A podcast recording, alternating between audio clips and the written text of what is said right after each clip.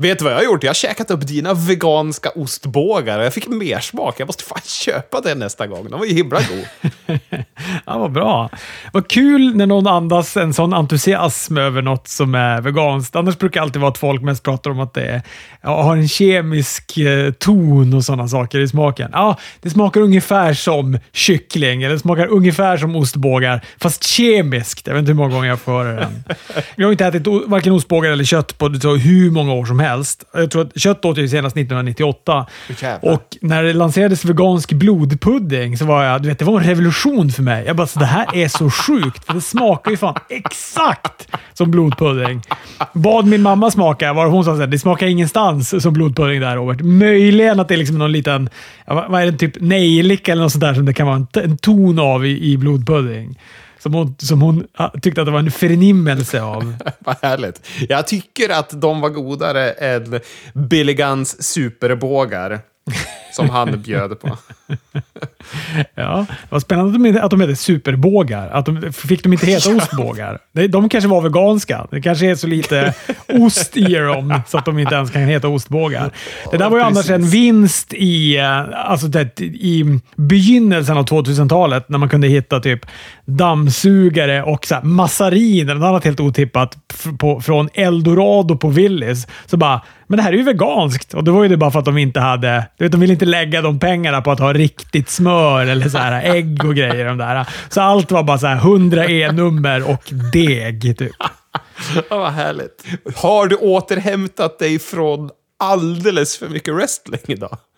Ja, men det har jag gjort och eh, har varit i zonen av wrestling så pass att jag som bara fortsatt att titta på wrestling. Jag tittar på massa wrestling. Till och med att jag sett NXT, alltså veckans NXT efter Stand and Deliver för att jag fick sån eh, mer smak. Och för er som undrar, så vi la ju 14 timmar på wrestling av 24 timmar. Nej, det måste ha varit 48 timmar. Det var ju inte så farligt ändå. På 48 timmar så la vi 14 timmar wrestling. Det låter ju inte så jättebedrövligt ändå. Jag tror också att det har att göra med att vi såg alltid ett pärlband. Vi träffades vi, för första gången någonsin, live du och jag. Ja, Eller i kött och blod. Kramades. Sen satte vi på Sen satte vi på NXT Stand and Deliver, kollade på det live. Sen så satte vi på, rev vi av Supercard och Warner mellan då NXT Stand and Deliver och WrestleMania började live. Så att vi, allt det här liksom kavlades ju av i ett, eh, i ett pärlband. ja. Det var eh, härligt. Det är konstigt. För jag tänkt så här efteråt. Alltså det är jätteunderligt. Första gången man ska umgås som riktiga människor. Det enda vi gör är att förvandlas till jävla wrestling-zombies. Och så bara tittar vi på wrestling. Dag två, då tryckte vi igång Breaking Ground. Och så plöjde vi det fram tills det var dags för WrestleMania. Sen låg våra kära Anders och snackade i soffan någon gång i mitten av WrestleMania. Och vi såg ut som några zombies. Och eh, Sundsvalls Billy Gunn, han var orörd. Han var likt Lemmy, oförändrad under hela kvällen. Ja, fantastiskt. Ja, jag var imponerad över Sundsvalls Billy Gunn. Han rörde inte en min. Alltså, han, han, eh, han såg aldrig trött ut heller. Han sa vid något tillfälle nu är jag trött och så tänkte jag du ljuger. För det, ingenting i ditt ansiktsuttryck utstrålar trötthet. Vi andra satt och gäspade. Anders snarkade till lite då och då. Och sådär. Men Anders var ju också otroligt... Det var som att han hade rutin på det där. För att han sa så här, ja men mellan... Och så sa han typ två klockslag, då ska jag sova. Och jävlar att han somnade på när klockan stod exakt det klockslaget. Vaknade exakt det klockslaget han sa att han skulle vakna. Och hade inte ställt någon klocka heller. Så det var jag också imponerad över. Ja, det var imponerande, det må jag säga. Vi har ju också öppnat otroliga mängder eh, AW samlarbilder under den här eh, helgen som vi tillbringade tillsammans. Vilket gör mig lite nervös, för jag tyckte det var väldigt, väldigt kul och eh, jag håller nu på att sukta efter att vi ska köpa ett till sånt big pack med de här och det kommer ruinera mig. Ja, men vi kommer ju behöva göra det när vi har vår nästa meetup. För att det var alldeles för roligt att öppna och kolla vad man fick för kort. Tills man fick det här jävla canvas-kortet med Tony Giovanni. Och jag förstår att det var samma besvikelse varje gång det dök upp ett Colt Cabana-kort. För det fick ju hur många som helst. Jag fick så jävla mycket Colt Cabana. Arg blev jag varje gång som jag såg hans ansikte blotta sig på den här bilden framför mig. Men det är märkligt det där med samlarbilder, för jag vet som inte vad jag ska göra av dem. Du vet, nu är jag, så här, jag vet inte var jag ska, ens var jag ska sätta de här. Då kommer de hamna också på vinden med den här lilla biten AW-matta, eller förlåt, all-in eh, all-in-matta som jag har och alla Hasbro-figurer och världsmästartiteln och inte, vita interkontinentaltiteln har jag också. Bara ligger ja, Det är ju sjukt. Hade jag haft den, den hade suttit över spiselmanteln. Nu har jag inte, jag har bara en kakelugn, men jag hade haft den någonstans här. ja, jag borde väl, jag borde, man borde väl hitta på något med de där bilderna också. Men det var kul. Det var kul att öppna dem. Vi har ju köpt lite digitala bilder innan, du och jag. Och Anders. Mm. Anders är den som har rutin på det här. Det är han, vi ställer ju otroligt mycket frågor till honom om, om det här med bilder. Hur gör man? Vad är det värt? Vad ska vi göra med de här nu? Och sånt där. Men, eh, men det digitala fäste inte riktigt på mig. Ja, det var kul, så här, jag har sin punk, men jag kan också bara googla en GIF-bild på sin punk så har jag den också. Exakt så är det. Men det här var, det var något speciellt att bara öppna de här förpackningarna och inte veta. Jag gillade det. Det var tur att vi prioriterade bort eh, WrestleMania pre-showen. För den var, det var två timmar med, hör och häpna, bara videopaket och prat. och vi lyckades alltid slå över när Booker T körde den jävla quacky-dacky macky smacky. Alltså, det lät ju som att det var Bolibompa. De pratade ungefär sådär. Det var jättekonstigt. Men det var ju, vi lyckades ju se lite av pre-showen och utöver att det inte var några shower så är ju det här hemska mobbningen av Kevin Patrick som man fan mår illa av när man ser det. Ja, men vi kollade faktiskt. Pre-showen stod ju på en sista timmen, eller sista 45 minuterna innan WrestleMania börjar på söndagen. Och eh, jag tror att Bukti, han svarade på frågor från Kevin Patrick och talade till Kevin Patrick utan att titta på Kevin Patrick. Och Han satt liksom också med axeln mot Kevin Patrick, alltså ryggen mot Kevin Patrick också under hela tiden. Som den här, I alla fall som de här 45 minuterna pre-show pågick. Jag kan inte tänka mig att det varit annorlunda in, de, liksom tidigare en timme och en kvart heller. Nej, och det var många gånger bildproducenten valde att filma alla utom Kevin Patrick, för han satt lite för långt ifrån Booker T. Det var riktigt otrevligt måste jag säga. Jag tycker synd om honom. Jag vurmar för honom. Eh, NXT Stand and Deliver, den var vi väl ganska nöjda med va, i sin helhet? Ja, den, den flöt på väldigt fort och det kändes inte som att det var någon match som liksom Eh, var tråkig att titta på, utan det var underhållning rakt igenom. Det var lite jobbigt att se Grayson Waller-reprisen gång på gång när han fastnade med armen i en stege när han hoppade i någon spot. Ja, vi fick se Champa tackades av, förlorade mot D'Angelo.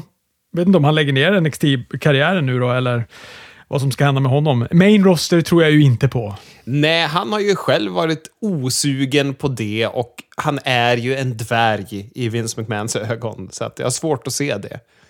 Eh, Raquel Gonzalez och Dakota Kai mot Toxic Attraction sägs vara galans sämsta. Den gick ju på pre-showen, så den såg vi inte en sekund av. Men, Nej, men i, eh, i, ett svagt tillfälle så trodde du att du hade sett den och att den var den sämsta matchen. Vilket tyder lite på hur rörigt mycket wrestling det var i helgen.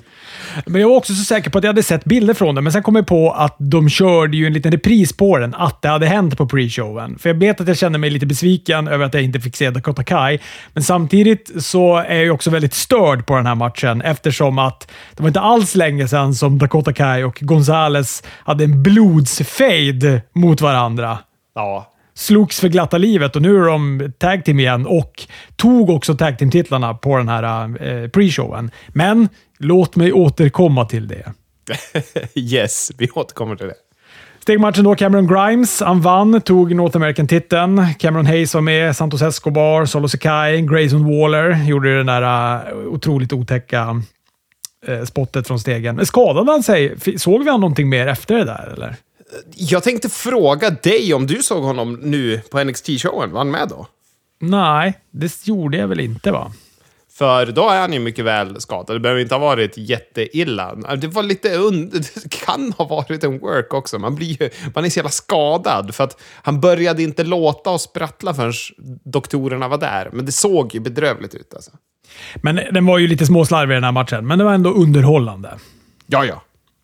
Vi hade också MSK mot Imperium och eh, Creed Brothers, eh, som jag tyckte var en bra match. Var bra fart i den. Lite oväntat att MSK vann. Ett, för att eh, det känns som att de tillhör någon sorts gammal, gammalt NXT helt plötsligt. Men det tyckte jag och det, det, tänkte jag om Cameron Grimes också när han vann. Att det kändes som att så här, men det här är de gamla NXT-brottarna. Varför vinner de matcher? De är väl på väg ut de. ja, konstigt vad man har blivit gammal och luttrad fort i NXT. Men, eh, men de fick vinna och Eh, sen hade ju du också någon historia där om eh, Caster som också blommade ut efter WrestleMania och som idag ledde till, alltså idag torsdag då när vi spelade in den här podden, ledde till att han fick sparken från WWE. Ja, precis. Kimberly, vad heter det, Nash Carters eh, tjej, fru, jag vet inte om de är gift, men hon gick ut och pratade om att han hade fysiskt och psykiskt misshandlat henne dagarna innan. Eh, stand and deliver. Sen tog hon tillbaka det och sen så nu igår då, alltså onsdags, då eh, gick hon ut med bilder när han eh, gör, när han har klätt ut sig till Hitler, eller han har rakat Hitler-mustasch och sitter och heilar och eh, pratar om hur han hatar eh, Pride-rörelsen och allt möjligt.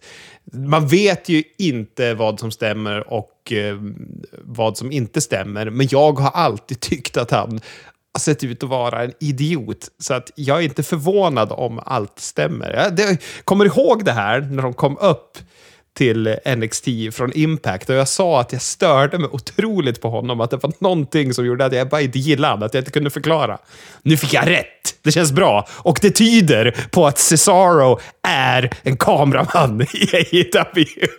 Men eh, hon la ju också upp en bild på då hon var helt sönderslagen och eh, sa att det var han som hade ja. pucklat på henne. Och de var gifta, för jag vet att Dave Meltzer pratade om det här och att han nyligen hade filed for divorce. Och det var då lite där också blommade ut. Och då är det ju lite suspekt på något vis. Jag vet inte. Jag ska inte lägga någon värdering.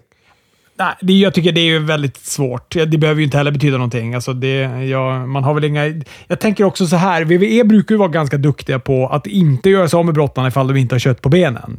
de känns ju nästan som att de är mest extrema till att vara så här. Nej, innan, innan motsatsen är bevisad så är du, så är du oskyldig. Så är Men de var, här var de ju ganska snabba på och ändå sparka honom. Och då ska det också tilläggas att han precis har tagit tag team-titeln och visades upp på NXT som jag satt och kollade på. Eh, började, jag kommer inte ihåg vilka det var som de eh, klippte en promo Var kanske Grayson Waller med i, den, i det stöket? Ja, ah, skitsamma. De, de var i alla fall där och började bygga en fade som man insåg att den här matchen kommer ju aldrig hända. Men jag kan ju tänka mig att Hitlerbilder slår högt på hur snabbt man blir releasad också. ja, ja den är, det är ändå en bild. Den är ju svår. Även om man inte vet kontexten så är den ju svår att bortse ifrån. Nej, exakt. Mandy Rose, Cora Jade och Io Shirai och Kylie Ray gick match om Mandys titel. Den här matchen tyckte jag var toppen. Långt över mina förväntningar.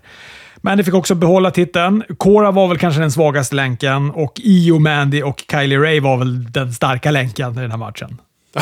ja, ja, Fan, Kylie Ray, jag är ju jag är lite betuttad i henne nu. Hon var ju badass. Precis som vi sa när hon kom in, det fattades bara en hockeymask så var hon ju Casey Jones. Hon kom med baseballträ i koger på ryggen. Eh, vi fick också se Günther gå match mot LA Knight. Den här tyckte jag i och för sig var lite svag. Det var ju hans men... kroppshydda som var svag. Alltså, jag är så besviken på att Walter har försvunnit och Günther har dykt upp. För han var ju bara halva människan kvar. Ja, det är ju det där. Vi har ju lite svårt att koppla bort eh, känslan av besvikelse att han har tappat all kroppshydda. Ser ju ut som en plufsig Alex Berlin Wright nu istället. Ja, Verkligen. Och sen så, den var ju för lång och LA Knight fick ju ta på tok för mycket plats. Det var liksom, ja, det var en tråkig match. Den här var fan tråkig. Vi kommer ju dit snart, men han klipper ju en promo mot Braun Breaker i början av eh, senaste NXT-avsnittet.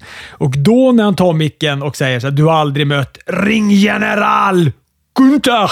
Då blir det som, det är så fel, för där, efter ringgeneral måste ju Walter komma. Ja, men och, visst. Så det här namnet, det studsar så fel hos mig. Jag läste också något utdrag från en intervju som han hade gjort, att han var verkligen så här super okej okay med att de hade bytt namn. Han bara, ja, men det är förändring. Förändring är väl alltid bra. Ja, okay. Och så typ frågade man om, om hur han hade tappat vikt och sa han typ så här, ja, jag äter lite mindre.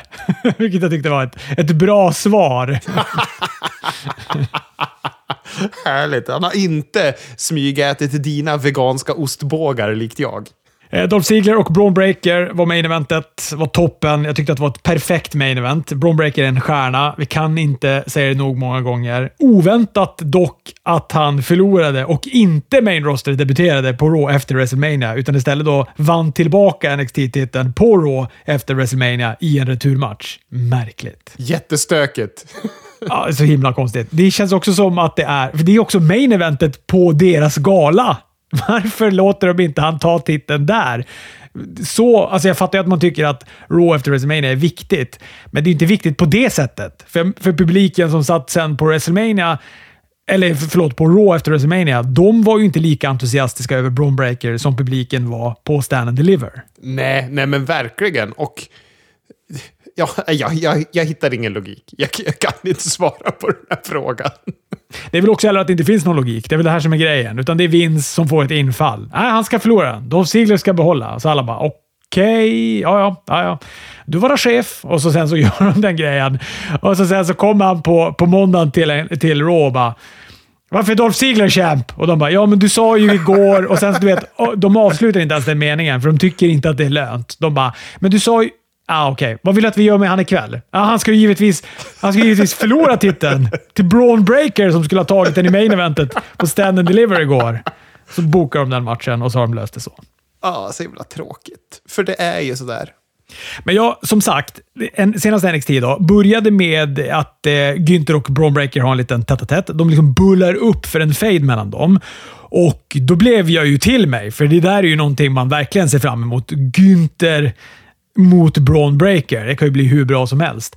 Verkligen. Men sen så bestämde de då hux flux att den här matchen skulle ske samma kväll, så det skulle då vara main eventet på eh, NXT. Och då tänkte jag, ah, okej, okay, det är lite slöseri på bra fade, men då kanske det händer något så att den här liksom, faden får fortgå. Men nej, nej, nej, nej, nej. Joe Gacy, han har då kidnappat Rick Steiner och Günther blir bara någon jävla parentes för att sätta upp en riktig fade mellan Joe Gacy och eh, Braun Breaker istället. Oh. Trist. nu blir jag så här så jag inte kan säga något. Ja, bedrövligt. Men Günther och Braun Breaker känns ju vansinnigt mycket sexigare än Joe Gacy mot Braun Breaker. Otroligt! Men det är också lite samma sak nu. Nu känns det ju som att Vince tycker att Günther tillhör någon sorts gammel NXT som inte alls platsar i det nya. ja. Oh. Ja, jag kan inte prata för Vince har tappat det. Eller är det Shawn Michaels jag ska vara arg på? Det är ju han som roddar NXT nu, väl? Men matchen var väldigt bra, ifall det är någon tröst. Okej, okay, okej, okay, vad skönt. Och så debuterade ett... Eh, eller debutera, en, en sanning med de, eh, modifikation, men de NXT USA debuterade ett tag team som heter Pretty Deadly som hoppade på Creed-brorsorna. Jag har ju noll koll kokosboll på dem eftersom jag ser exakt noll NXT UK. Men eh, tag team där har varit tag team-mästare och har ju ett förjävla bra tag team-namn. Ja, gud ja. Men eh, vad är de för sorts jävlar, tänkte jag säga?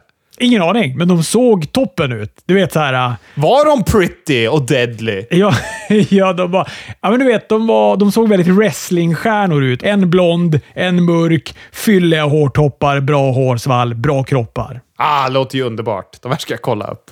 Och så verkar Imperium vara på väg att splittras, för Fabian Eichner lämnade Marcel Barthel mitt i matchen mot äh, Creed Brothers. Det låter onödigt. Vi pratade om det när vi såg Stand and Deliver, att vilket jävla tag team de har där. Och egentligen liksom vilka tag team de har överlag i NXT. För den matchen var ju väldigt underhållande. Även om de var slarviga, de här Creed-brorsorna, på ett charmigt sätt. Så, så kommer de ju kunna vara bra när de liksom inte är sådär grön och slarvig. Jag betonar det. Men eh, de, de har ju bra tag teams och Imperium är ju fantastiska som tag team. Ja, och så vill man ju ändå ha hela Imperium-stallet. Alltså med Günther i spetsen och sådär. Oh ja. ja. Vi får väl se vad det blir av av det där. Och så Raquel Gonzalez, Dakota Kai, som vann då tag titlarna på pre-showen, förlorade de här i en returmatch mot Toxic Attraction. Ja, men, vad, vad, är det för, vad är det för bokning här? Jag blir trött. Ja, det är märkligt. Och den, den matchen var inte bra. Ja, men fy. Inte ens det.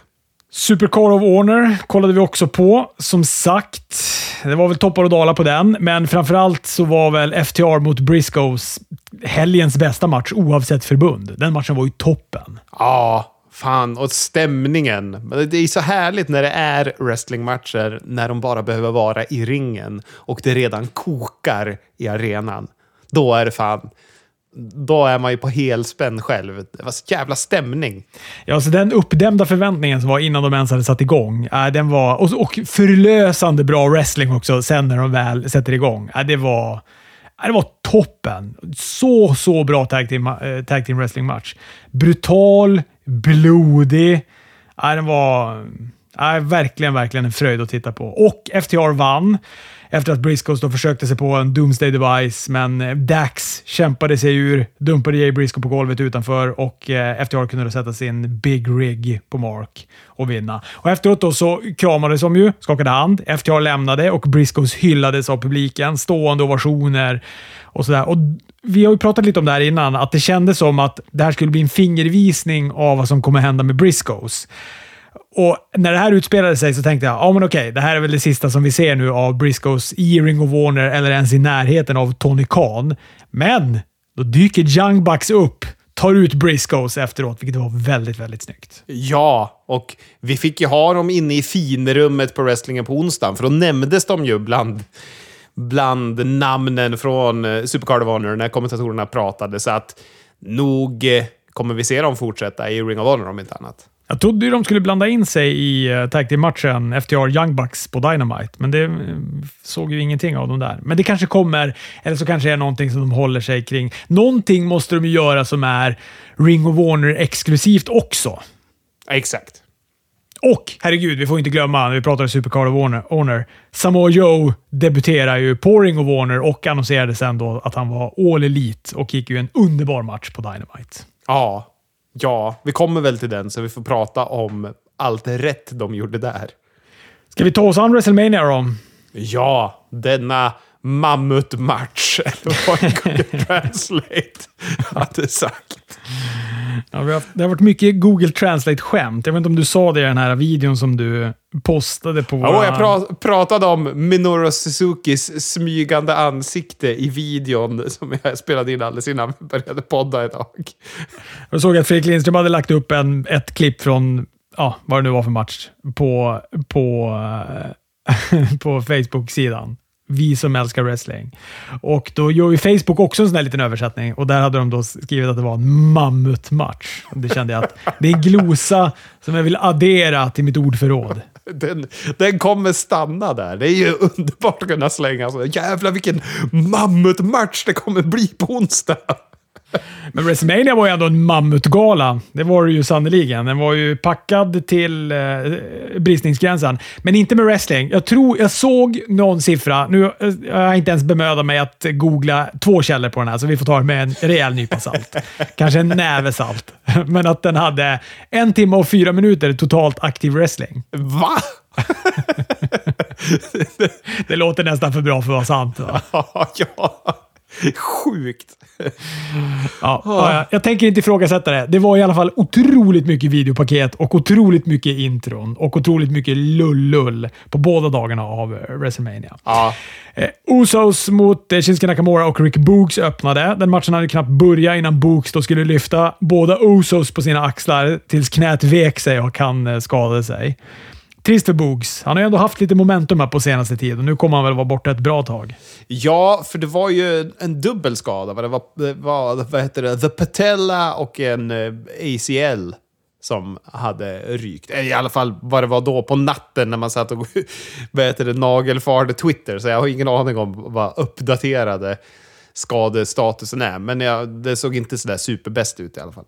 Patellan låter ju som något som är typ fontanellen eller något sånt där. Är det, också något, är det något i knät det? ACL är väl korsbanden va? Det, det är någonting i benen, för jag vet att där jag jobbar så säljer vi ju försäkringar på hundar och då kan det vara patellan kan vara med. Det är bra att ha med i en hundförsäkring. Så att, Ja, okej.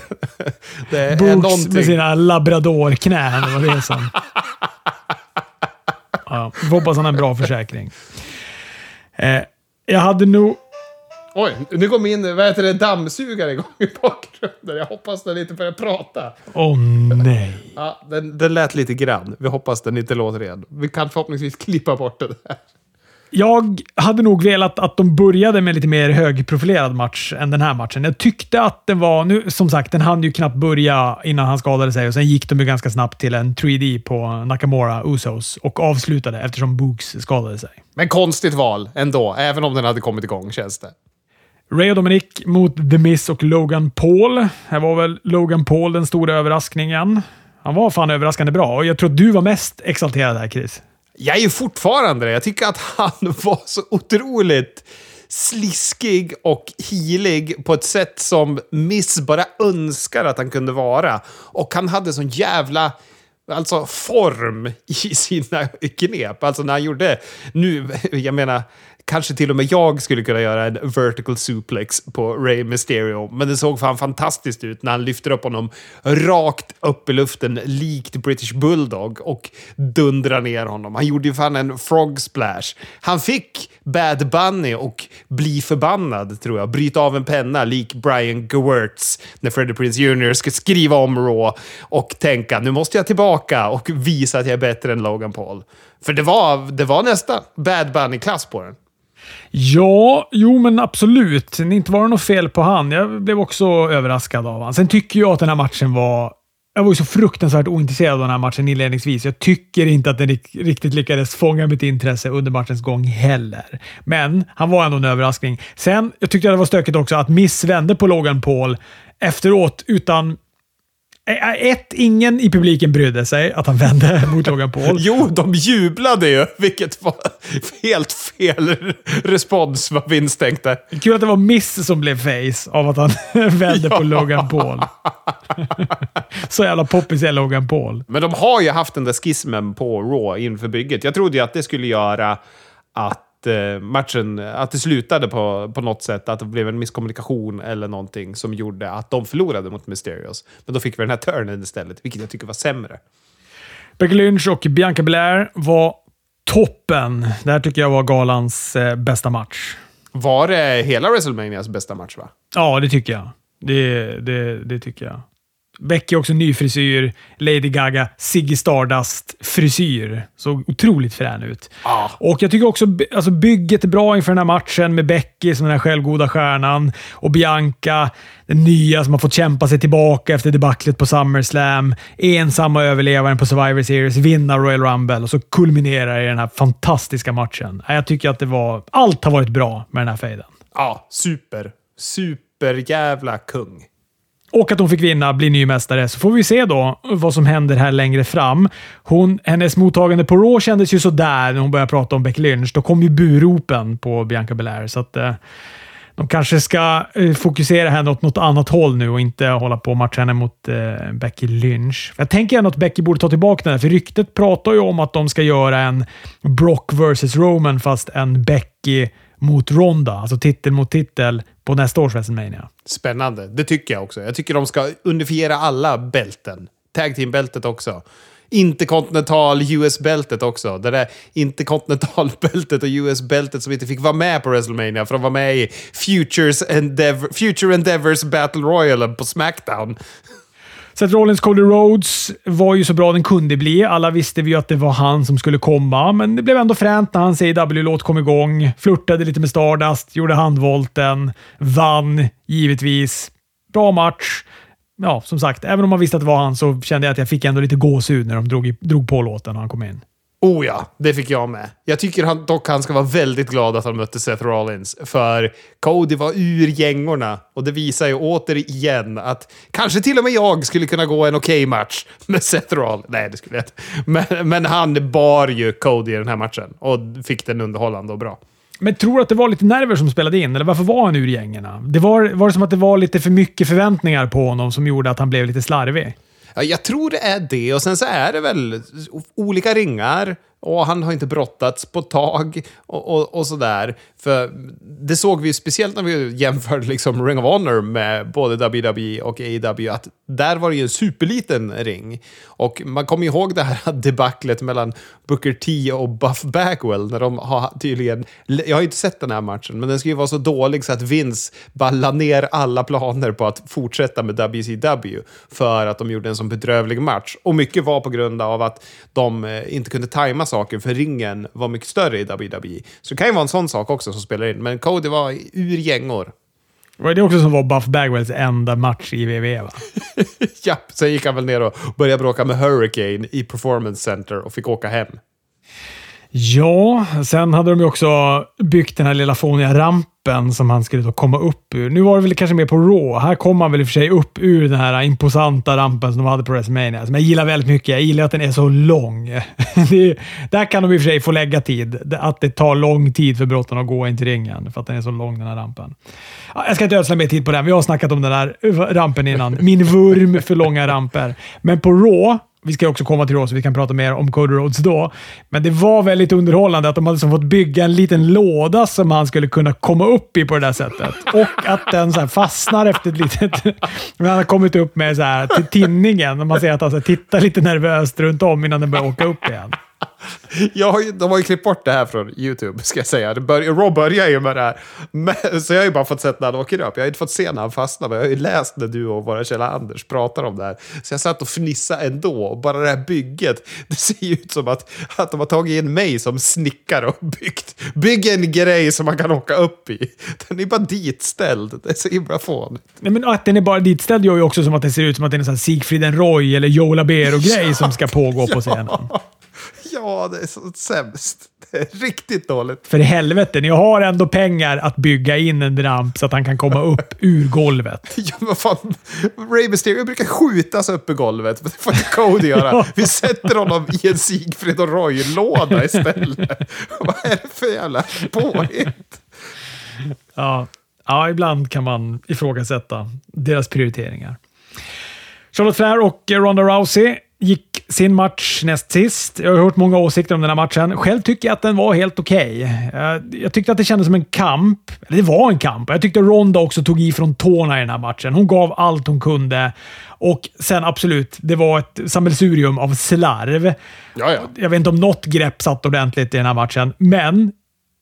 Och baserat på det då kan jag ju förstå att folk är lite besvikna. Men jag uppskattade den i alla fall.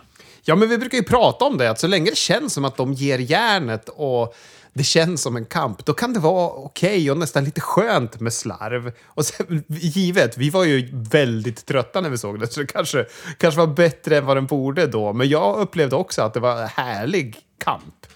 Och Charlotte vann. Jag trodde ju verkligen att Ronda skulle vinna den här och eh, det gjorde mig lite besviken. Det kändes som ett matchslut för att bygga mot en stor match på WrestleMania, som de gör på WrestleMania. ja. ja, väldigt överraskande. Och tråkigt. Såg du att hon twittrade ut att eh, hon inte förstod vart de här rapporterna om att hon skulle varit besviken av att de inte var sist kom ifrån? Ja, det såg jag. Men hon ska ju ha stormat ut från Hall of Fame när de berättade för henne att hon inte att hon inte skulle gå på sist. Och hon var, mycket riktigt var hon ju inte på Hall of Fame. Nej, ja. Hon hävdade ju själv att hon åkte hem och nattade barn då. Låter konstig timing. Ja, men den typen av, av Ja, verkligen. Den typen av logistik får man ändå hoppas att de kan se över. Ifall det var... Just ja, det var något jag skulle göra nu när jag var på Hall of Fame. Har inte jag en dotter som ska sova? ja, Hall of Fame lyckades vi också trycka in i allt det här, så den har vi också kollat på. När Taker hade sitt TED-talks, där han inte nämnde Mick Foley. Ja, vi golvades över att det var två timmar och 35 minuter när vi tänkte det är fyra pers som ska väljas in. Det kan omöjligt ta så här lång tid. Och sista, sista en och en halv timmen, när Undertaker kliver ut med Madonna-mikrofon så inser vi ah, okej. Okay. Det är Undertaker som förbereder för en ny karriär som inspirationsföreläsare. Jajamän. Kevin Owens show med Stone Cold Steve Austin var ju det som avslutade. Blev något så oväntat som en oannonserad match. En oannonserad match med Steve Austin. Hans sista match på WrestleMania i sin hemstad Texas. Det är som att de inte ville sälja biljetter eller prenumerationer till den här, den här galan.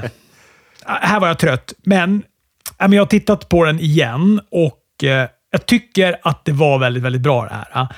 Mycket tack vare Kevin Owens. Alltså han sålde ju ett ton för Steve Austin. Ah, gud ja. Gud ja. Vilken stjärna Kevin Owens är och har varit som har byggt hela fade mot en stad. Han har inte haft så jävla mycket material att arbeta med. Men det, att det mynnar ut i det här och att han får ha det här momentet med Steve Austin, det är ju fantastiskt. Men det var ju också som att han var, inställningen var ju att så här, det här är det absolut största jag typ någonsin kommer att vara med om. Nu, nu kommer, jag kommer inte liksom... Jag sätter noll limiteringar på min kropp i det här läget. För att han var ju, han behandlade ju sin kropp skandalöst i den här matchen. Ja, men även Stone Cold som tar jävla suplex på betonggolvet. Ja, alltså Austin var ju gammal och han rörde ju sig som att han inte har gjort wrestling på väldigt många år. Vilket han inte har heller, så det kan man ju inte klandra han för. Men han tar ju ändå bums och kan göra det på cementgolvet och jobbade ändå på bra i den här matchen. Så det ska han ändå ha något för. Alltså, ut och ha roligt också, vilket glädjer en. Owens åkte på en stunner. Steve Austin vann, drack öl i 36 minuter till eftertexterna gick på. Men det var väl också bra. Vi var ju lite oroliga för att de skulle avsluta med ett segment. Men det, här var, det var ju helt rätt att avsluta med det här, för det blev ett, ett riktigt WrestleMania avslut på dag ett. Sannerligen. Glömde jag Drew McIntyre mot Happy Corbin? Ja, Eller var den på men- söndagen? Nej, det var väl första dagen. Han gav repet och grejer. Just det. Han slog sönder reven. Och det, jag vill också minnas att jag läste något om att de hade förberett något imposant intro med killar i kilt för Drew McIntyre som de fick stryka för att de inte hann med.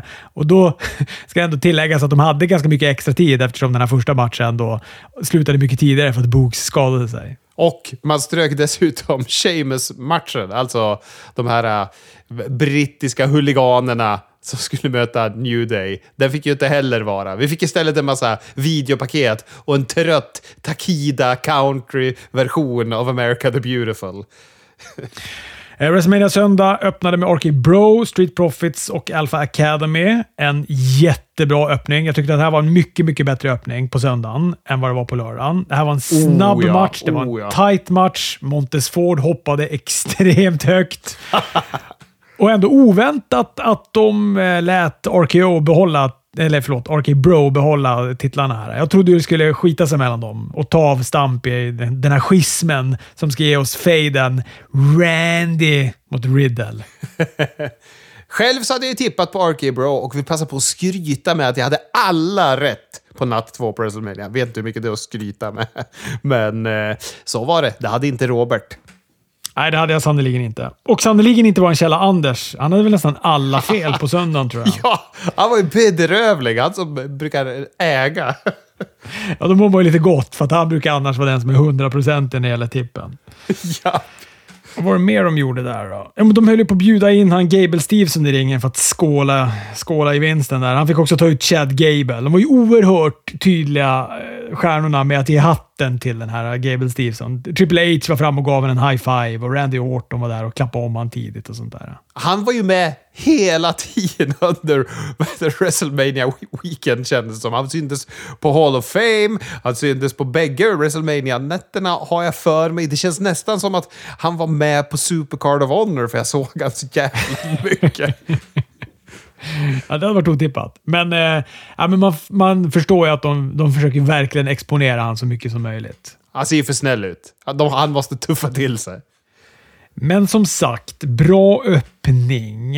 Eller det öppnade väl inte. Egentligen var det väl Triple H som öppnade med att placera sina brottardojor, brottardojor i mitten av ringen. Den officiella gesten för nu lägger jag, lägger jag karriären på hyllan. Om du inte heter Undertaker då förstås. Exakt. Bobby Lashley mot Omas var som jag trodde. Lashley vinner och Omas har pyramidala problem med att hänga med. Jag tyckte den matchen var skit. Johnny Knoxville mot Sami Zayn var jackass wrestling rakt igenom. Men det var roligt och Sami Zayn, han också, gud, han arbetade ju röven av sig i den här matchen. Ja, Men det Kevin Owens gjorde för Steve Austin, det gjorde Sami Zayn för Johnny Knoxville i den här matchen. Japp. Ja, det var fan hatten av till Sami Zayn och han verkade ju också ha så fruktansvärt roligt. Ja, men jag tyckte också den här var kul. Men jag är ju lite nostalgisk när det gäller, eh, Jackass och tycker ju att Johnny Knoxville är oerhört karismatisk. Men det, något som slog mig, och åter när jag tittat så här på bilder, stillbilder på när Sam Hussein har attackerat Jackass-gänget, det är att han var så jävla stiff med dem. Vi har ju pratat om det tidigare, men han ger sin jävla helluva kick i ansiktet på Weeman så att det trycks in som en jävla, jag vet inte vad, en pösmunk. Han var brutalt så inåt helvete. Weeman som också hade en väldigt fin bodyslam på Sami Zayn. Ja, gud ja.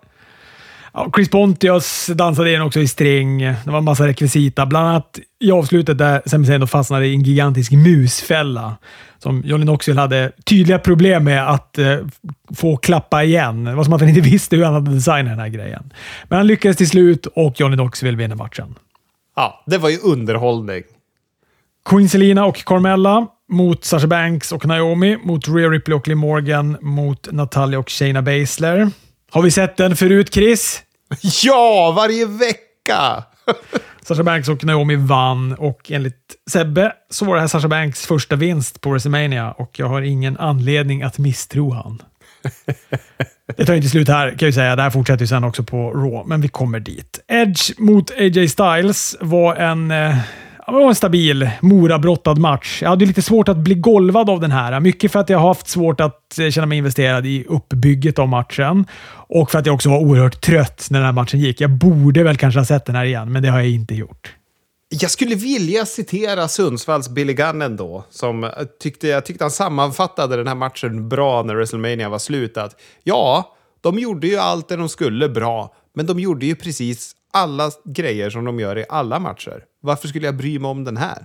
Och den var ju väldigt mycket bara Edge och AJs spots, fast utdraget och väl utfört. Men det var ju svårt att liksom få någon känsla i den. Ja, jag tycker också slutet kändes väldigt rå. Damien Priest dök upp liksom, från ingenstans väldigt plötsligt och ganska apart eftersom vi inte då vid det här läget känner till att han har någon allians eller relation överhuvudtaget till Edge. Men det då distraherar AJ Styles så pass att han förlorar den här matchen och efter då så poserar Edge och Damien ihop. Det kan vi i alla fall känna att jag tyckte var lite fräscht. Det kändes som en, någon ny, en ny grej att se Edge och Damien Priest och tänka ja, okej, okay, det här är en ny spännande duo i plyschkostym i dunkla färger. Vad kommer det bli av det här? Ja, det Brody King tyckte att det var när han twittrade ut var “This is what happens when you order House of Black on Wish”. Kul! väldigt, väldigt roligt. Väldigt, väldigt kul. ja. Pat McAfee mot Austin Theory var bra. Jag tycker Pat McAfee är toppen. Jag tycker Austin Theory är bra. Han blir i alla fall bättre och bättre. Alltså i den här karaktären. I, i brottningen har han alltid varit bra i, men han växer in i den här karaktären också. Pat vinner en underhållande match som publiken är med på in i minsta detalj. De är ju väldigt investerade i den här matchen, vilket är kul. Efter så stegar då Vince McMahon in i ringen och det blir en match mellan Pat McAfee och en 76 år gammal Vince McMahon. Den är bedrövlig. Och ja. han, eh, han, har ju ändå liksom, han är ju liksom uppväxt med wrestling, men han vet ju fortfarande inte hur en clothesline ser ut. Det är ju tydligt det när man ser det här. Sannerligen. Ja. Eller hur man säljer en stanner. Nu har i och för sig ett, ett CV med att sälja dem ganska dåligt, de här stannersarna från Steve Austin. Men eh, det här var nog bland det bedrövligaste jag sett. Ja, sa vi att Stone Cold kom in? Eller har vi glömt att säga äh, Först efter att Vince vinner oss över Pat McAfee och han och Theory, fortsätter förnedra Pat, då går Steve Austins låt igång. Och han kommer då in och tar ut Först Austin Theory med en stunner och sen då Vince med en stunner. Och nu gör jag det i citationstecken. Jag tror att, jag vet inte ens om Steve Austin själv kan kalla det där en stunner. Och den var så, alltså den, den, det ser lite ut som när en jävla så här, kaka sjunker ihop i ugnen. Ungefär så tog Vince McMahon den här stunnern. Och Stone Cold började ju skratta i ringen. Och bland de bästa klippen som har cirkulerat på internet de senaste dagarna, det är ju när Mick Foley blir filmad av sin son när han ser den här stunnern stunnern och han, han sitter och skrattar och gråter och jag är rädd att han ska få hjärtattack. Men, eh, vad heter det?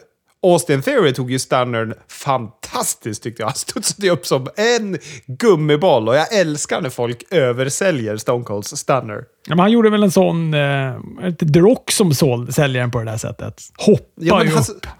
Precis, men han sålde den med ryggen. The Rock, han brukar ju sälja den. Med, ja, de sålde den olika, men fantastiskt. Lik The Rock. Det är likheten med The Rock, men högre och tokigare.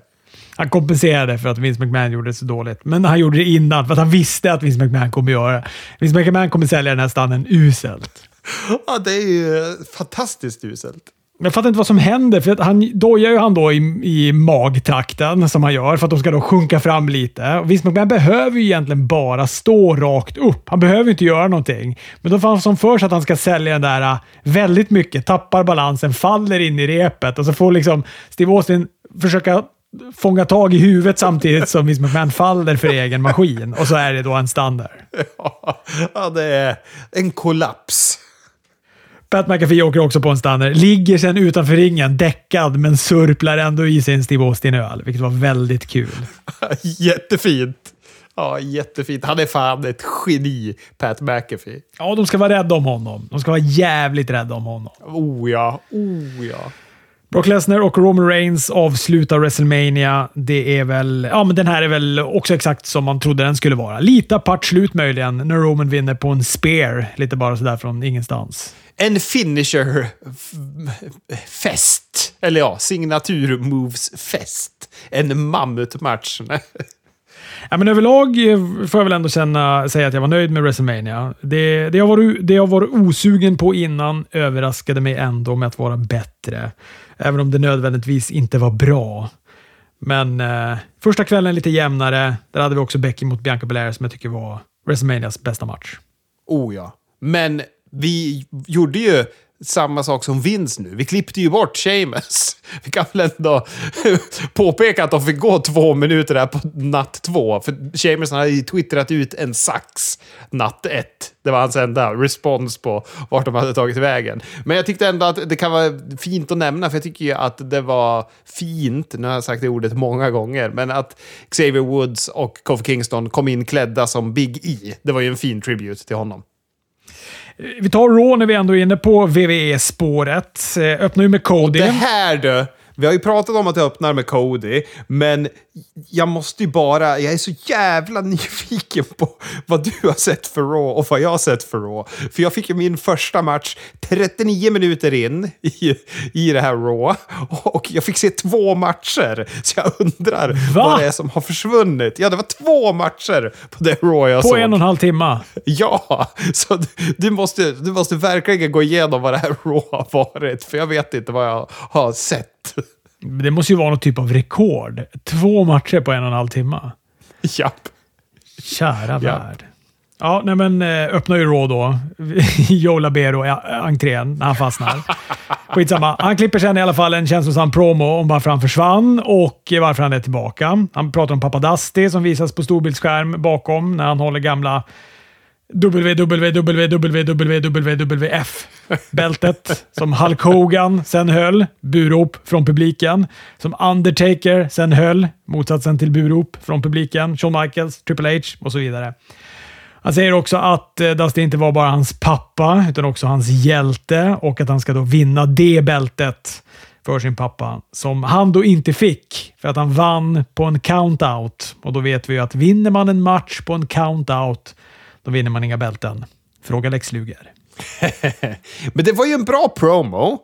För Code är ju grym på att leverera. Han är ju jättekänslofull och börjar gråta och det är ju så att jag får gåshud ibland. Men samtidigt så kände jag så här, Säger han inte samma sak jämt? Kan han inte...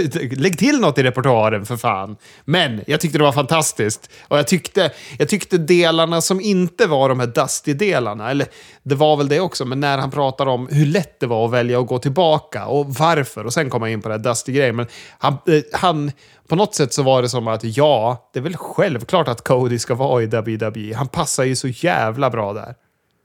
Det vore ju fränt om hans första vinst mot Roman på SummerSlam blir på en count-out.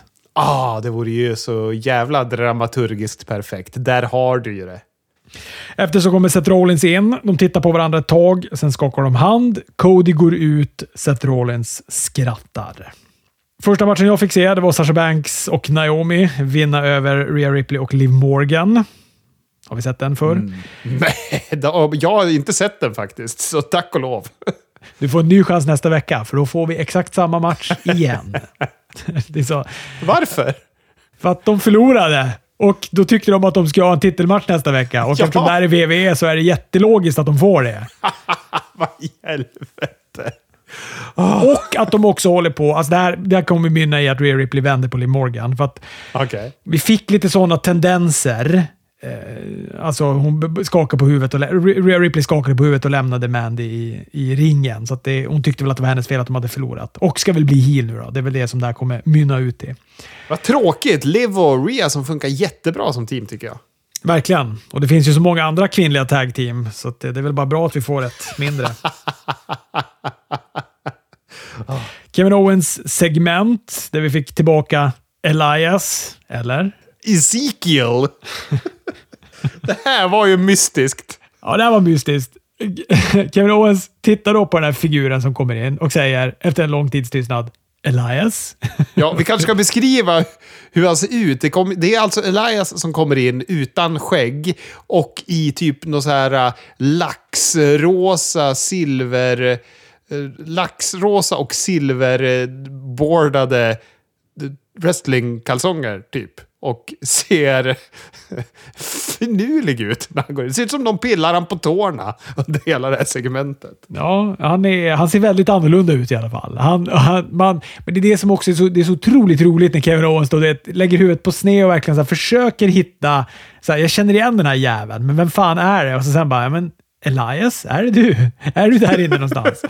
och han då svarar, nej jag är inte Elias, jag är hans bror Ezekiel. Och kul också att publiken ropar “Yes you are” när han säger “I'm not Elias”. så då bara sätter de igång “Yes you are, yes you are”. Det var en bra publik under hela det här segmentet faktiskt. Jättebra publik. Ja, jätte, jättebra publik. Det var bra publik under hela Raw här tycker jag. De var också sådär lagom salt mot saker som de tycker var bedrövliga. Japp. Ja, men det ska bli spännande att se vad det blir av av det här. Det är ju otroligt märkligt, men jag ska ändå säga att jag är lite... Han Ja, men jag är ändå lite förväntansfull. Ja, jag med. Men det är så konstigt för han gjorde ingenting. Det var, vi, fick, vi fick ingen tydlighet i vad gimmicken var. Förutom att han hävdar att han är Elias yngre bror. Men annars gjorde han ingenting. Han lade inte till någon karaktärsdrag. Han stod bara rakt upp och ner och förnekade att han var Elias. Så det är så jävla otydligt vad det är. Men I am intrigued. Ja, också att vi får liksom inte veta någonting mer heller. Det är inget att man befäster hans karaktär på något sätt, eller varför han är där. Varför är Elias bror där och vart är Elias? Eller någonting sånt där. Utan, och att han också bara har ett ansiktsuttryck som säger att eh, Nej, men det, här, det är väl inget konstigt. Jag är ju hans bror. Att, du vet, han tror ansiktsuttrycket utstrålar verkligen att han talar sanning. Och varför avbryter han Kevin Owens?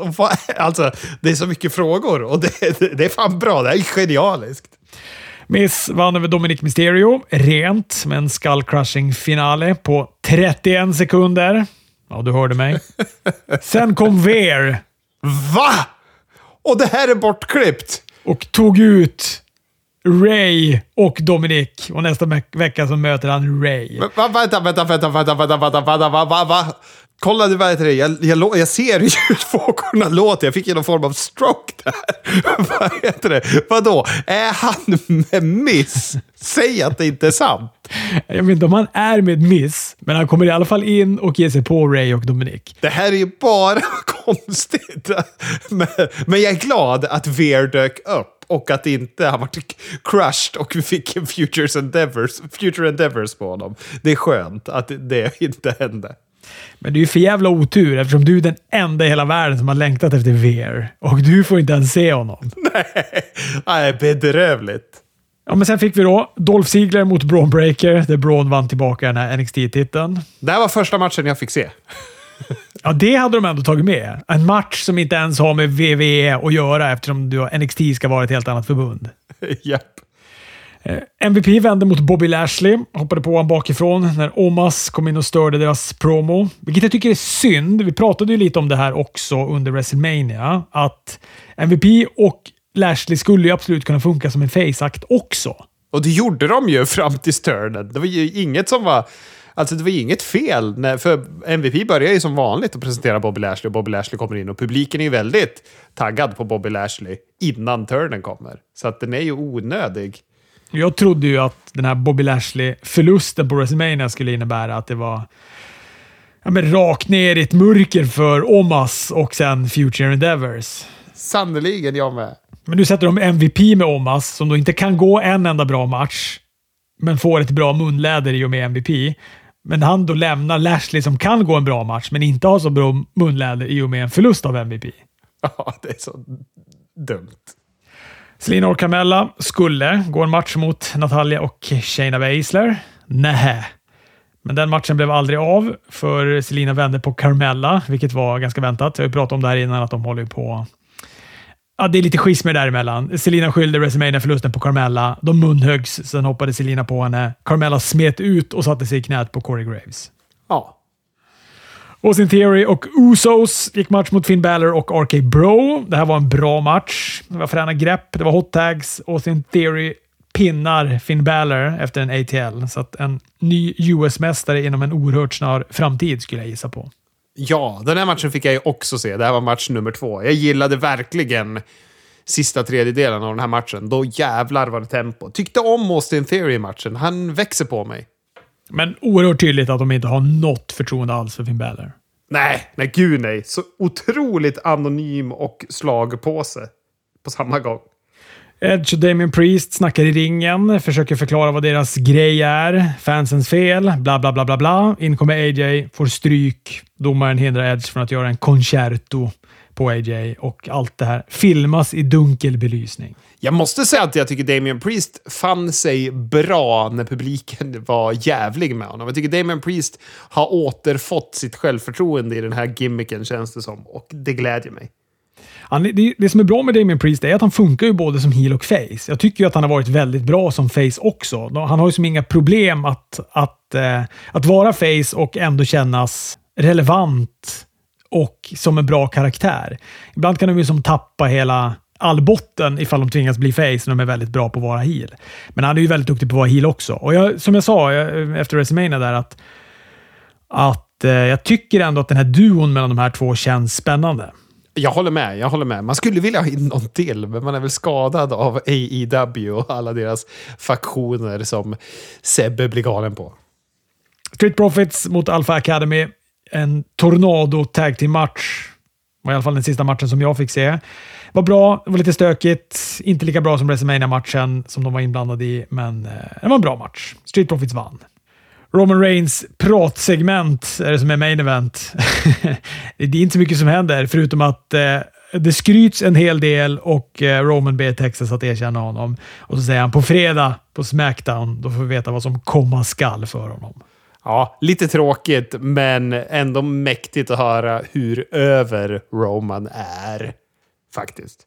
Det var lite antiklimax på ett eh, main event på WrestleMania efter Raw. Jag tycker att, alltså vet, man har ju ganska höga förväntningar. Nu tycker jag ändå att de här levererade ändå ganska bra. Vi fick ju ändå... Vi fick ju för sig inga överraskningar. Vi fick se lite konstiga grejer mest bara. Att han, Braun Breaker tar tillbaka titeln och att Cody fastnar i Joe Labero-lådan. och Ezekiel. och Ezekiel, ja. Ja, jag vet inte. När man kritar upp den blå, blå printen på, på whiteboarden. Här är en skiss över Raw efter WrestleMania. Jag vet inte om jag skulle ge den 5 plus bara sådär på papper. Nej, alltså det är ju jättekonstigt. Raw efter WrestleMania. Men jag vet inte. Även fast det var dåligt så är jag glad att det här existerar. Det kommer vara ett legendariskt att se tillbaka på när han fastnar i Ola lådan och vi får Ezekiel direkt efter. Det är två, två härliga segment i början. Alltså Ezekiel och Ver är de enda debuterna vi får och då ska gudarna veta att Ver har vi känt till väldigt länge att han ska komma. Och de kan ju inte vara sådär superexalterade över den eftersom de väljer att klippa bort det från YouTube-versionen. Ja, det är så jävla dumt. De skulle gjort någon grej. Att nu är han äntligen här. Nu har han vandrat i fyra månader. Jag trodde ändå att något mer skulle komma. Alltså typ... Eh, jag trodde ju framförallt att Braun Breaker, eftersom han förlorade titeln titelmatchen mot Dolph Ziggler tänkte jag men då kanske ändå han main roster debuterar istället. Eller Io Shirai eller någon sån där. Men ingen sån dök ju upp. Nej, och det kändes inte som så här supernystarter på fades heller eftersom Omas-faden fortsätter. Vad heter det? Carmella och Selina fortsätter. Street Profits mot Alpha Academy. Alltså, det brukar ju vara ett avstamp. Det var Ezekiel som var vårt avstamp. Han och Cody. Det är konstigt. Vi får se. De kanske drar, eh, växlar upp på, på Smackdown. Det är ändå på Fox och de är ju, har ju lite fler tittare där. Även fast det här Raw sågs jag väldigt många. De eh, gick väl över två miljoner tror jag. Kul! Men nu ska vi snacka AW. För där har vi ett Dynamite och så har vi ett Rampage som ägde rum innan det här Dynamitet som vi har sett. Eh, Young Bucks mot Top Flight öppnade senaste Rampage. Kära värld, vilken matchjävel det här var. Den var toppen. Och som ett rinnande vatten. Vad man tycker om Top Flight ändå. De hängde med så jäkla bra i den här matchen. Alltså, de hängde med så otroligt bra. Ja, och det är... Ja, jag vet inte. Det är något... eh, Speciellt när det är bröder som är i tag team på något vis. Och, det här var ju två broderspar som mötte varandra. Det var så jävla bra match. Bra flyt, precis som du säger. Ja, de är extremt tajta, alla fyra. Bucks är Bucks. Vi är alltid tajta och eh, får också vinna matchen på en BT Trigger. Sen skulle vi då äntligen få se Hook snacka, men icke. Tony Schivani hinner knappt dra efter andan så dyker Danhausen upp. Oerhört snäll och oerhört elak. Han ska då fördöma vår favoritwrestler igen, men även den här gången så biter inte hans förbannelse. Och Danhausen blir stekt. Men det är så mycket detaljer i det här som jag tycker är skoj. Bland annat när Danhausen för Tony Schiavones mikrofon med pekfingret på puffskyddet med liksom en stadig armföring mot sin mun. Till och med det gör han bra. Det är i detaljerna, vet du. Och Cook också som bara står med fokuserad blick hela segmentet igenom. Ja, fan. Karismatisk man. Men jag undrar, alltså vad är det för wrestlingvärld när vi får Ezekiel på, på Raw och vi har att Hook, den coolaste liksom, unga wrestlaren de har, ska ha någon konstig fade med en annan facebrottare som är den där äh, Danhausen som ska försöka förbanna honom men det inte biter på honom. För vi får ju en video om det här på Dynamite sen också när det är dramatiskt hur Danhausens curse inte funkar. Ja, det är konstigt. Jag tror att det här inte kommer... Jag tror inte att det här kommer vara en fade. Jag tror att det här är bara grejen att han håller på att försöka lägga en förbannelse på honom, men det går inte. Sen kommer han knalla vidare och börja förban, förban, lägga en förbannelse på någon annan istället. Jag såg, apropå Danhausen, så la han upp här alldeles innan vi började podda idag, så att han hade fått Bret Hart att förklara för FTR att Danhausen är grym och att han kommer vara bäst i världen. Och, och nu försöker ju Danhausen få jobb hos FTR. Han, är han inte nöjd med sitt jobb? Han, är, han ska liksom få jobb hela tiden överallt. Ja, men han vill ju ha alla pengar så att han kan ta över världen. Alltså Black vann över Evil Ono och Stu Grayson och Fuego del Sol. Stackars Fuego blev mördad även den här veckan. Huset cirkulerar runt Fuego del Sol som ett gäng hajar som har fått upp blodvittring innan de avslutar han. Ja, det är snyggt. House of Black, vilka killar. De börjar funka bättre också. Brody King känns tajtare och det känns bara bättre hela tiden. Jamie Hater mot Sky Blue i en Owen Hart, Owen Hart Cup kvalificeringsmatch. Britt Baker inte med Jamie Hater in. Hon bojkottar AW tills de ska vara i Pittsburgh igen. Jag tycker det, det klär henne. Det är så bra. Ja, det är så bra. Hater vann den matchen. Keith Lee mot Powerhouse Hobbs avslutade. Var ett ganska bra main event. Styrkebatalj. Diametral motsats till eh, öppningsmatchen, men ändå välbrottad match det här och underhållande. Var väl kanske Keith Lees eh, bästa match i AW så här långt. Ja, med hästlängder. Det var bra. Och han, Powerhouse Hobbs var givmild i ringen mot Keith Lee också tycker jag. Passade varandra väldigt bra. Hobbs och, och Keith Lee. Ja, verkligen. Starks kom in med en stol. Han sprang mot ringen, men Swerve Strickland kom in till Keith Lees hjälp och tog ut han. Domaren är då distraherad av det här kaoset som pågår utanför ringen, så att han räknade aldrig när Hobbs hade ett pinfall på Keith Lee i ja, en 12 sekunder i alla fall. Lee sätter sedan en Big Bang Catastrophe efter att domaren har hittat tillbaka in i ringen och kan nu räkna ut han och Keith Lee vinner. Och sen var det stökigt och Heel-gänget är de som står upp när vi går till eftertexter. Ja, jag tycker om den här faden, även fast jag tycker att det är konstigt att Swerve och Keith Lee är kompisar på något vis.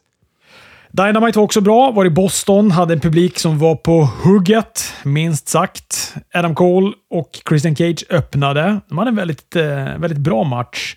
Och visst känns det skönt att Christian får gå en sån här match? Hans AW-karaktär ja. har nog inte varit som han hade tänkt sig. Nej, men eh, ja, det känns väldigt skönt. Och jag tycker det här det är ju den här matchen jag skulle vilja visa för Sundsvalls Billy Gunn. För här är det ju inte en klassisk, man ser alla spots som Christian har, utan det här är en riktig wrestlingmatch som känns som en kamp på riktigt. Med jättemycket bra nearfalls och, och, ja, publiken är på tårna, fast det är Christian med en bedrövlig AEW-karriär i ryggsäcken, så är de ju helt inne i matchen. Fast vem vet, han kan, Christian kanske inte har större ambitioner. Det kanske är mer Tony Khans annonsering av han som hade större ambitioner. det, det hade den ju sannoliken. Åh, oh, fy fan. Cole vinner med en boom. Som Christian sålde väldigt kort. Det störde mig. Han rullade ut sekunden som han hade blivit uträknad. Och Det är då för att han ska möta upp Red Dragon för att de då ska hoppa på honom. Lucha, Lucha Express kommer också in och sist in är då Hangman Adam Page som till öronbedövande pops ger Adam Cole en titelmatch i Texas på Dynamite om titeln i en Texas Death Match. Och eh, jävla bra intensitet i promon. Nu har Adam Page hittat hem i karaktären. Nu äger han ju självförtroendet igen. Det som vi har saknat bitvis hos honom. Ja, det är som nu på senaste tiden som jag börjar tycka att han är rätt som världsmästare i AW. Precis. Men också slog det mig, något som vi har pratat om förut, att det är ju en ny sorts wrestlingpublik. För när publiken skanderar ju cowboy shit för fulla muggar när de står och liksom trycker pannorna mot varandra och tuppas. Men när Hangman börjar prata, då bara dör det av och så ser man hur de börjar sätta sig och så börjar de lyssna intensivt på hur han pratar. Och sen när de ska reagera, då börjar de reagera igen och så börjar de skandera. Men det är ju en ny sorts publik vi har att göra med. En mer engagerad publik tycker jag, som inte är där för att bara synas och höras och skrika what och, och så vidare. Vi hörde ju inga whats på, på Dynamite överhuvudtaget till exempel. Men de är där för att faktiskt eh, njuta och lyssna och höra och, och det glädjer mig på något vis. Det är det ju inte på VVE, för att där har ju då Vince fortfarande den här jävla Thunderdome-knappen, så att när det är helt tyst, då trycker han igång det här sorlet som han har du vet, hämtat från något effektarkiv. ja. Där det är så här, ja men fest i blåhallen, mingel, säger de. Och så är det så här, bara, du vet, ett jämnt bara bubbel som att folk sitter och har jättemycket att prata om under tiden som den här matchen, eller promon för den delen, pågår. Vilket också gör att man bara får en känsla av att publiken bara är är taskiga och störiga när de inte lyssnar. När de pratar samtidigt ja. som den här människan står och klipper en promo i ringen. Ja, bedrövligt. Samoa Joe och Max Caster gick match. Den var kul. Casters rap var väldigt underhållande. Påple påpekade bland annat att Joe var champ när AW spöade de andra i ratings. Varav Samoa Joe också gjorde gesten “Det är sant” till publiken med huvudet. japp, japp, japp. Men den här matchen, den här var ju en debut utan dess like. Även om man tyckte att vad heter det, de gjorde vissa saker rätt med Keith Lee. Han hade en Isaiah Cassidy som sålde för honom likt en kung. Även fast du har ju faktiskt sagt att du tyckte att han såg trött ut i debuten och jag kanske hyllade Keith Lee lite mer där. Men här, här visade de ju upp Samoa Joe precis som de skulle göra. Det var så jävla bra debut tycker jag han såg ju också allt annat än trött ut. Och man tänker ju så här, men det är ändå ett tag sedan han har brottats. Han är äldre, han är ganska stor och såna grejer. Han har ju ändå anlag att kunna se trött ut. Eller man skulle ju förstå om han såg lite trött ut. Ja! Han var ju superpigg. Det kändes också som att han verkligen... Ja, men du är också väldigt snabb med att, att påpeka när folk ser ut som att de trivs i ringen. Och det såg verkligen ut som att han älskade att vara i den här AW-ringen, som Ojo. Ja. ja, det var så jävla kul att se. Just det där att han borde ju vara mer trött. Han borde vara sämre, men han är fan kung i matchen. Max Caster också jätte, jättebra i den här matchen. Jag tycker bara lite synd om honom, för att han får ju bara förlora och förlora och förlora. Men eh, hans tid kanske kommer. Ja, det kommer den ju göra. De är så eh, nya och som sagt, de blir ju mer och mer över hur mycket de än går in och förlorar. De här två fantastiska acclaimed killarna älskade också när matchen började och publiken började skandera “Joe is gonna kill you” och Max Caster såg lite skärrad ut. ja! Ja, fantastiskt. Samoa Joe vann på en, eller med en muscle buster och efteråt så dyker då Jay Lethal och Sonjay Dutt upp som har då allierat sig och vänt heel på Jonathan Gresham på Supercard of Honor. Eller CM Dutt då, som jag kallar honom, eller som vi kallar honom. Det var kanske Anders som myntade CM Dutt eftersom jag i det här EWR-spelet alltid... Men Sonny Dutt var alltid så jävla över för mig och jag tröttnade så mycket på det och ville att CM Punk skulle vara det, så jag döpte om honom till CM Punk. Och så fick CM Punk, som bara skadade sig hela tiden, han fick vara Sonja Dutt. Därför kommer han alltid förbli CM Dutt för oss. Sean Dean, en förbättrings, förbättringsbrottare, vann över Sean Spears. Warlow dök upp, distraherade Spears så Dean kunde vinna. Det var lite samma som förra veckan det här. Här hade de kunnat växla upp, tycker jag. Men eh, Wardlow är över. Han är väldigt över och jag tycker att det är intressant för att han är en sån karaktär som inte borde vara över med den publik som är AEW-publiken. För det här är ju någonting som Vince McMahon skulle vilja ha byggt och skulle kunna bygga på samma sätt. Och det brukar kunna vara sånt som slår bakut mot de så kallade smart marksen. Men det funkar ju så jävla bra här och han är så himla över. Ja, Wardlaw är ju lite det som de önskar att Omas blev. Ja, sannerligen. Sen fick vi då den här Hardys mot Butcher Blade. De möttes ju då i en bordmatch. Den har ju varit väldigt eh, omtalad den här matchen. Vår källa Anders sammanfattade den som citat en röra, slutcitat. Och det är väl en adekvat beskrivning. Det, den var väl rörig. Publiken är ju på. Som sagt, Boston-publiken var väldigt bra. Det är en bordmatch. De ska väl också vara en enda röra, de här bordmatcherna. Men jag då som är lite WWE-skadad, jag hade lite svårt att veta hur man vann och eh, det finns ju lite olika sätt. Antingen så är det bara att de, de här borden är en sorts rekvisita. Ja, det är en bordmatch. Ja, här får man använda bord och så ska man räkna ut dem som vanligt. Sen kan det också vara att man ska sätta dem genom ett bord för att vinna. Ibland ska de genom varsitt bord och elimineras och på så sätt vinna. Och efter att Jeff Hardy då vann efter att han sätter en Swanton på Blade genom ett bord från en lång stege så vann de tydligen, trots att då Jeff redan hade åkt genom ett bord tidigare i matchen och borde då ha varit eliminerad. Ah, jag tyckte det också var stökigt där. Jag hade svårt att förstå när matchen skulle ta slut. Det hade alla. Det var så roligt att höra hur kommentatorerna försökte få den att ha någon form av mening. Och jag bara hörde hur Vince McMahon ropade “God damn it!” och var arg. Han var arg på AEW för att det var så rörigt med den här matchen. Det var kaos. Ja, det var kaosigt. Men är det något misstag då? Alltså var det något som... Eh... Alltså jag vet inte. Den som var agent för den här matchen måste ju ha varit berusad. För att det, det var inget som stämde. Det var bara konstigt. Och man märker ju det när Butcher blir eliminerad och sen så börjar han fortsätta brottas direkt. Då är publiken i total förvirring. Och, och sen är det som att de tänker, äh, vad fan, det är röjigt. Så börjar de jubla åt allt sen. De bara skiter i det. Men för annars kan man ju ibland också se så okej, okay, men här gick det åt helvete. Här råkade han åka igenom ett bord eller sådär. Men det fanns som inga sådana spots heller i det här. Nej, jag kan som inte pinpointa vars det gick åt helvete. Det enda jag kan pinpointa är att Jeff och Matt Hardy det, de är stela alltså. De är, oh. Jag vet inte om de ska gå de här typerna av matcherna. Det känns som att deras kroppar inte riktigt håller för det här längre. Jag tycker, som vi har sagt förut, fan, tillbaka till Broken Matt Hardy och gör lite roliga sådana saker. Lite mer kontroll och lite mer komedi. Alltså kontroll i matcherna. Så de inte behöver vara Hardy Boys ah, 2000. Hikaru Shida vann över Julia Hart i en Owen Hart-kvalificeringsmatch. I WWE hade nog Julia Hart vunnit bara för att Vince upptäcker att de delar ju för fan samma efternamn. Svag match, men jag gillar att man ser att det här svarta har spridit sig under piratlappen på Julia Hart. Men det är lite Cesaro kameraman-tempo på utvecklingen av den storyn. Ja, men det, det stärker ju Cesaro-teorin. För den här jävla lappen, den har ju suttit i ett kvartal nu utan att de är så liksom haft något med de här House of Black att göra. Det är fantastiskt vad det går långsamt. Men också det är först nu, det är som du säger, hon har haft lappen hur länge som helst, men det är först nu som man ser att det är lite svart under den också.